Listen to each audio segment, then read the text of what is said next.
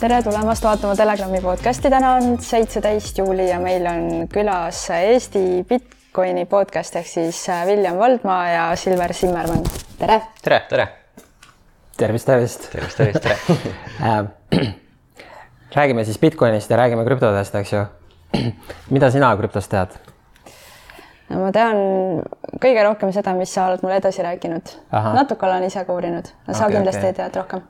ja äh, võib-olla siis alustame sellest, et äh, kui te teete Eesti Bitcoini podcast'i, siis äh, kaua te seda olete teinud ja kes teil taas külalised on ja tutvustage võib-olla siis ennast. no me oleme niisugused väikesed Tartu Bitcoinerid, et oleme Tartust ja, ja põhimõtteliselt Silveriga kohtusime sügisel Eh, detsembris vist, Silver oli teinud ühe niisuguse Eesti Bitcoini grupi, kuhu ma sattusin ja siis ma kirjutasin sinna, et eh, kuule, et saame kokku ja siis tuli Silver ja siis tuli Pärnust oli üks noormees ja siis eh, ma rääkisin, et kuule, et teeks mingi podcast'i või teeme midagi nagu, et me peame tegema midagi ja siis kuidagi saime kokku tegime esimese episoodi ja praegu on vist kaheksa episoodi või, on olemas. ja, ja. ja kui kaua, kui kaua te muidu ise olete krüpto peal olnud või krüptost huvitatud? neli-viis aastat mina ma arvan kuskil jah, kaks tuhat seitseteist esimesest poolest äkki, jah. Esimest korda ma Bitcoini ostsin tegelikult juba vist oli kaks tuhat viisteist või midagi sellist, et siis ma olin Austraalias. sul on nüüd alles või? ei, ei, ei siis, siis, siis ma lihtsalt äh, ostsin muu, muudeks otstarbeks seda, et, et seda kasutada, aga mitte investeerimise ega hoidmise mõttes, et see oli niisugune, tollel ajal ma ei saanud ise ka päris täpselt aru, mille, mis see on, ma sain lihtsalt aru, et ahah, sellega saab netis mingite asjade eest maksta, et et lihtsalt selle eesmärgiga jah, aga jah, tõsisemalt sai jah, ütleme siin kaks tuhat kakskümmend üks lõpupoole või niimoodi, siis ma hakkasin ise ka, siis ma hakkasin tõlkima kirjandust, ma mõtlesin, ma pean seda, sest eesti keeles seda infot oli nii vähe kogu selle teema kohta. et siis ma mõtlesin, et mis alal ma üldse suudan nagu midagi siin luua, ma mõtlesin, et äkki ma tõlgin mõne raamatu eesti keelde. ja üks on siin laua peal ka see Bitcoini standard, mis on nii-öelda üks kuulsamaid raamatuid Bitcoini teemalisi üldse mis räägib raha ajaloost ja kõigest sellest, et siis ma tõlkisin eh, kõigepealt ühe väiksema raamatu ära, et seda leiab ka mul e-poest, kui keegi tahab, aga ja siis see oli nagu järgmine ja siis siis oli plaan podcast'i ka teha, tegelikult mul oli ammu see mõte kuklas juba ja ma isegi eelmine sügis, enne kui ma Villemiga tuttavaks sain, ma isegi lindistasin kodus ühe episoodi lihtsalt monoloogina üks, üksinda rääkisin kuskil tund aega jahusin seal Bitcoinist ja siis ma vaatasin, et kuulasin seda ise ka natuke, vaatasin ikka natuke liiga kuivaks jäi, et, et ei ole päris see ja kogu aeg mõtlesin, et oleks tegelikult vaja mingit kaassaatejuhti ja siis ja siis kuidagi läbi sotsmeedia ja lõpuks jah, saime Villemiga kokku ja, ja tegime ära mm. -hmm. väga hea, Villem, sa oled ka raamatu kirjutanud miks maailm ei toimi ehk ja. alustava anarhisti käsiraamat kahekümne esimesel sajandil. põhimõtteliselt sellega on niisugune story, et see raamat sai enamus inspiratsiooni sellest ja sellega niisugune naljakas story, et. kas see on selle kokkuvõte? Äh, siin on väga palju ideid, et kui lugeda mõlemat, siis kindlasti tuleb sarnasusi, aga see on ikkagi, no ta on ikkagi nagu internetist äh, info nagu kogutud ja sellega on naljakas story, et äh, enne kui see Bitcoin standard, standard oli eesti keeles olemas, siis ma mõtlesin, et okei okay,, ma peaks selle ära tõlkima, see on nii oluline, aga siis ma mõtlesin, et okei okay,, see on nagu nii suur vastutus, nagu see on nii hea raamat. ja siis õnneks Silver jõudis ette lihtsalt ja mul oli nagu jess, aga siis oligi samal ajal, kui minu enda raamat oli trükis juba mm. -hmm. et ah, okay, põhimõtteliselt ilmus samal ajal eesti keeles. jah, jah oota, aga kui nüüd peaks täitsa võhikule seletama, mis asi Bitcoin on? no ta on ikkagi uus rahavorm põhimõtteliselt ja no see, see nagu see võtmetähtsusega faktor on ikkagi see, et teda ei saa juurde luua, see on kogu selle asja point. ja ne. teda ei eksisteeri äh, füüsiliselt, ta on ainult digitaalne ja, ja see on ka veel oluline, et tal ei ole seda ühte, ühtegi keskset punkti või organisatsiooni või arvutit või inimest, mis kontrolliks, vaid kõik on automatiseeritud no mul on, ma ükskord tulin niisuguse hea lause peale, et see on raha, kus kõik mängivad samade reeglite järgi ehk siis, ehk siis seal on need reeglid on juba koodi sisse kirjutatud, kuidas see raha toimib, palju seda raha kokku saab olema. kõik see fundamentaalselt on nii-öelda paika pandud ja seda enam keegi muuta ei saa, et noh, nagu Villem mainis, seal ei ole mingit keskset organisatsiooni, mitte keegi ei kontrolli seda, et ja igaüks saab täiesti vabatahtlikult selle võrguga ühineda, seda raha kasutada, et noh, teda saab vaadata kui võrku, kui raha, seal on nagu mitme nurga alt saab sellele läheneda, aga jah, ütleme kui jah, öelda, siis ta on ikkagi raha, kus ei ole nagu ühtegi kontrollijat, mitte keegi ei väljasta seda. see on nagu kõigile inimestele ja kõik mängivad sama, samade reeglite järgi, et ei ole mingi keskpank, kes ütleb, trükime triljoni ja sorry, et teie säästud praegu nüüd lähevad selle arvelt lahjemaks ah jah, et võikski korra võib-olla siis ka vaatajatele selgitada, et mida see tähendab, kui äh, ütleme siis keskpank trükib raha juurde ja mida see tähendab, kui Bitcoini ei saa mitte kunagi juurde teha see, et keskpank trükib raha juurde, see tähendab seda, et need, kes ei saa raha trükkida juurde, need kaotavad läbi inflatsiooni kogu aeg oma sääste lihtsalt nendele, kes saavad sellele uuele rahale ligi. ehk siis püramiidi tipp põhimõtteliselt, poliitilised institutsioonid, suurettevõtted, kõik, kes seal tagatubades on ja kõik need tüübid põhimõtteliselt et see tähendabki seda ja et kui sul raha juurde trükitakse, siis kõik, kõik inimesed, kes seda raha hoiavad, nende raha läheb selle arvelt odavamaks. Nad no, kaotavad lihtsalt. ja siis noh, nii-öelda laialdasemalt levinud see väljend on inflatsioon, on ju, et selle läbi me näeme siis, et kui palju see raha odavamaks läks tegelikult. ja noh, muidugi meile üritatakse väita, et see inflatsioon tuleneb kõigist muudest asjaoludest, mitte sellest, et tegelikult rahavaru lihtsalt kasvas. Et noh, nagu me täna näeme, Eestis inflatsioon on üle kahekümne protsendi. Et tegelikult see protsess, miks see inflatsioon nii kõrgeks läks, algaski sealt, et äh, siis kui Covid tuli, siis trükiti meeletu kogus raha juurde lihtsalt, et noh, USA-s trükiti nelikümmend protsenti kogu ringluses olevatest dollaritest selle mingi kahe aastaga juurde, et äh, ja siis äh, muidugi inflatsioonil on lihtsalt see omadus, et ta tuleb viitega tavaliselt et ennem kui see raha hindadesse igale poole jõuab, see ongi kõigepealt nagu püramiidi tipust hakkab tulema, et äh, trükitakse see raha nii-öelda noh, seal on mingid erinevad instrumendid, mille läbi seda raha väljastatakse ja siis kõigepealt saavad sinna pankurid ligi, suurettevõtted, kes saavad põhimõtteliselt äh, üliodavaid laene või nullintressiga ja nii edasi, et kellele siis see raha ja siis see hakkab sealt tipust allapoole tulema, lõpuks see jõuabki meie tarbijate hindadesse välja. et ja siis meie maksame lihtsalt kõigest rohkem kas te muidu seda oskate öelda, kui palju protsentuaalselt inimkonnast täna on, ütleme, krüpto või Bitcoini investeerinud? et ikkagi üle, üle ühe protsendi vist. kuskil ühe protsendi juures on see number jah. et isegi ja. täna me oleme ikkagi suht alguses. see on ikkagi väga või? alguses veel jah, et kui, kui mõeldagi, et äh, Bitcoin, äh, et Bitcoin on neliteist aastat eksisteerinud ja ja tegelikult see turukapitalisatsioon või see market cap inglise keeles, siis see on alla triljoni, see on pool triljonit praegu, aga kui me vaatame näiteks kulda, mida on kasutatud näiteks väärtuse hoidjana, siis selle turukapitalisatsioon on kuskil kümme triljonit.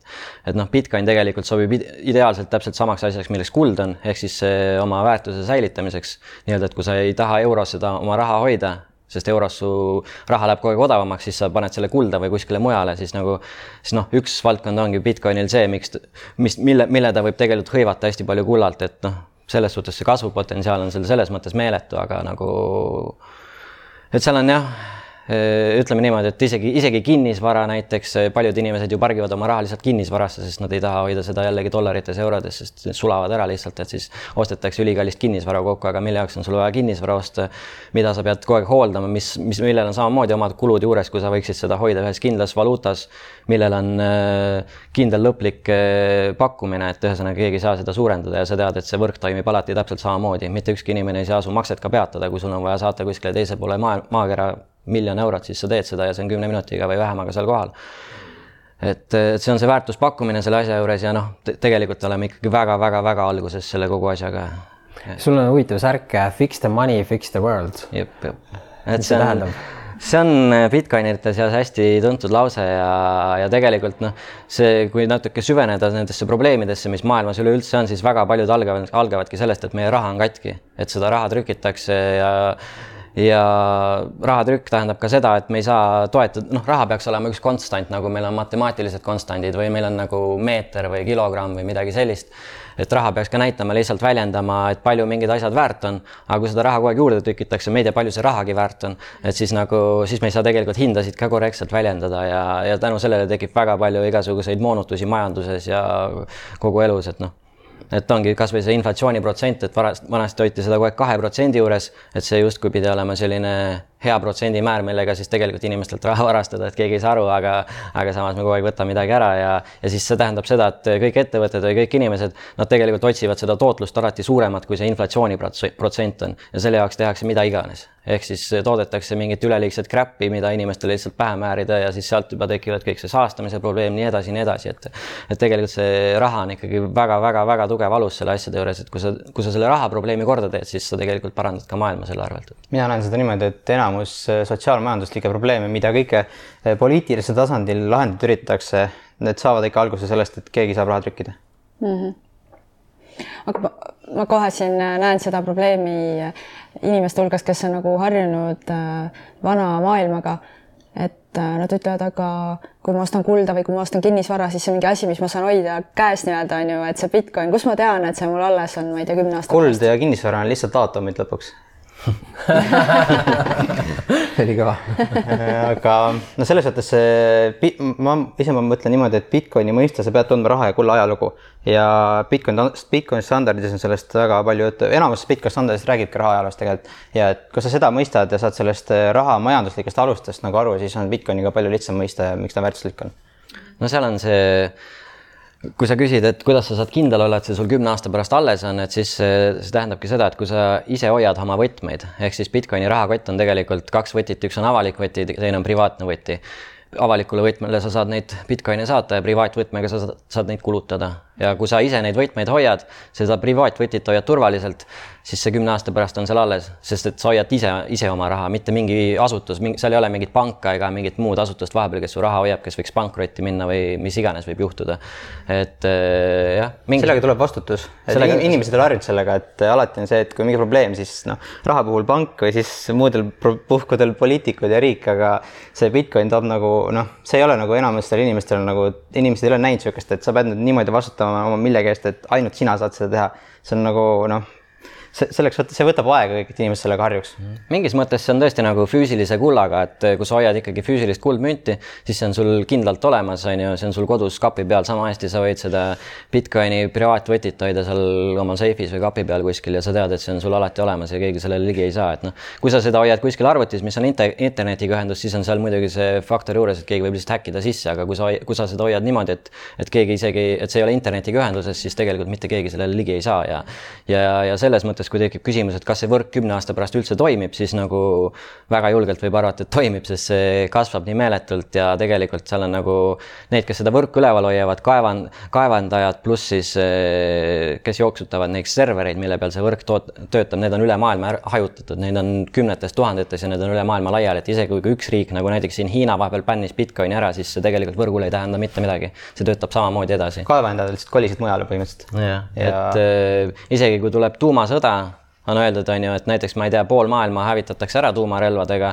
ja isegi kui kogu internet peaks seisma jääma mingi vahepeal on ju, okei okay,, siis sellel hetkel Bitcoin ei tööta, aga nii kui, nii kui kuskil internetiühendus tekib, esimene see Bitcoini server nii-öelda võrku läheb, nii, nii samamoodi töötab see võrk edasi. nagu sealt, kus ta pooleli jäi. seal, kus ta seisma jäi, et nagu selles mõttes ja nagu on ta ikkagi üsna turvaline selles mõttes, et ta kuskile sul ära ei kao, et noh, pigem, pigem kaotatakse seda enda lolluse pärast ära, et kui sa ongi, mõtled liiga keerulise süsteemi oma selle privaatvõtme hoidmiseks võib-olla või sa lihtsalt unustad mingi salasõna ära, millega sa ligi saaksid neile, et siis on nagu, et see on teine asi. aga tänapäeval vist saab hoida Bitcoiniga nii-öelda kuskilsuguses kellegi käes, kes vastutab selle eest. ja seda teenust pakutakse ka juba jah, jah mm. -hmm. Aga noh, seal on jällegi see, et siis sa võtad selle kolmanda osapoole riski juurde. Sa, sa, sa pead usaldama kedagi. sa ei hoia ise neid, neid oma münte ikkagi lõpuks, sul peab olema enda käes see tagavaravõti ikkagi või kus, või noh, enda või sa pead kuskile ära panema niimoodi, et et kindlasti kuskil vahetusplatvormidel ikkagi ei tohiks oma neid münte hoida, sest kogu aeg juhtub, et mingi platvorm läheb kas pankrotti või häkitakse siis inimesed jäävad ilma lihtsalt. Me teeme väikse pausi siin, sellepärast et äh, teises pooles me hakkame rääkima sellest, äh, mida Eesti Bitcoini podcast'i tüübid soovitavad investeerida siis millisesse coin'i või mis summas, eks ju. mind huvitavad siuksed arvamused. aga teie, kelle, kes te vaatate seda saadet, kui te share ite seda oma seal, mis teil on, vaata Facebookide asjad, eks ju et teie vahel läheb loosi, üks inimene saab, ta saab nii Williami raamatu kui ka Silveri tõlgitud raamatu, mõlemad on Bitcoinis, pluss nüüd ka see Telegrami koroona terroristide ajakiri, selle saate ka, pluss veel ühe kasti seda magneesiumvett, mille on välja pannud Lumiorav. Share ige seda oma seal lehel ja kas peab midagi kirjutama ka sinna või? hashtag Bitcoin. võib või? jah. jah, ning äh, kohe lähme edasi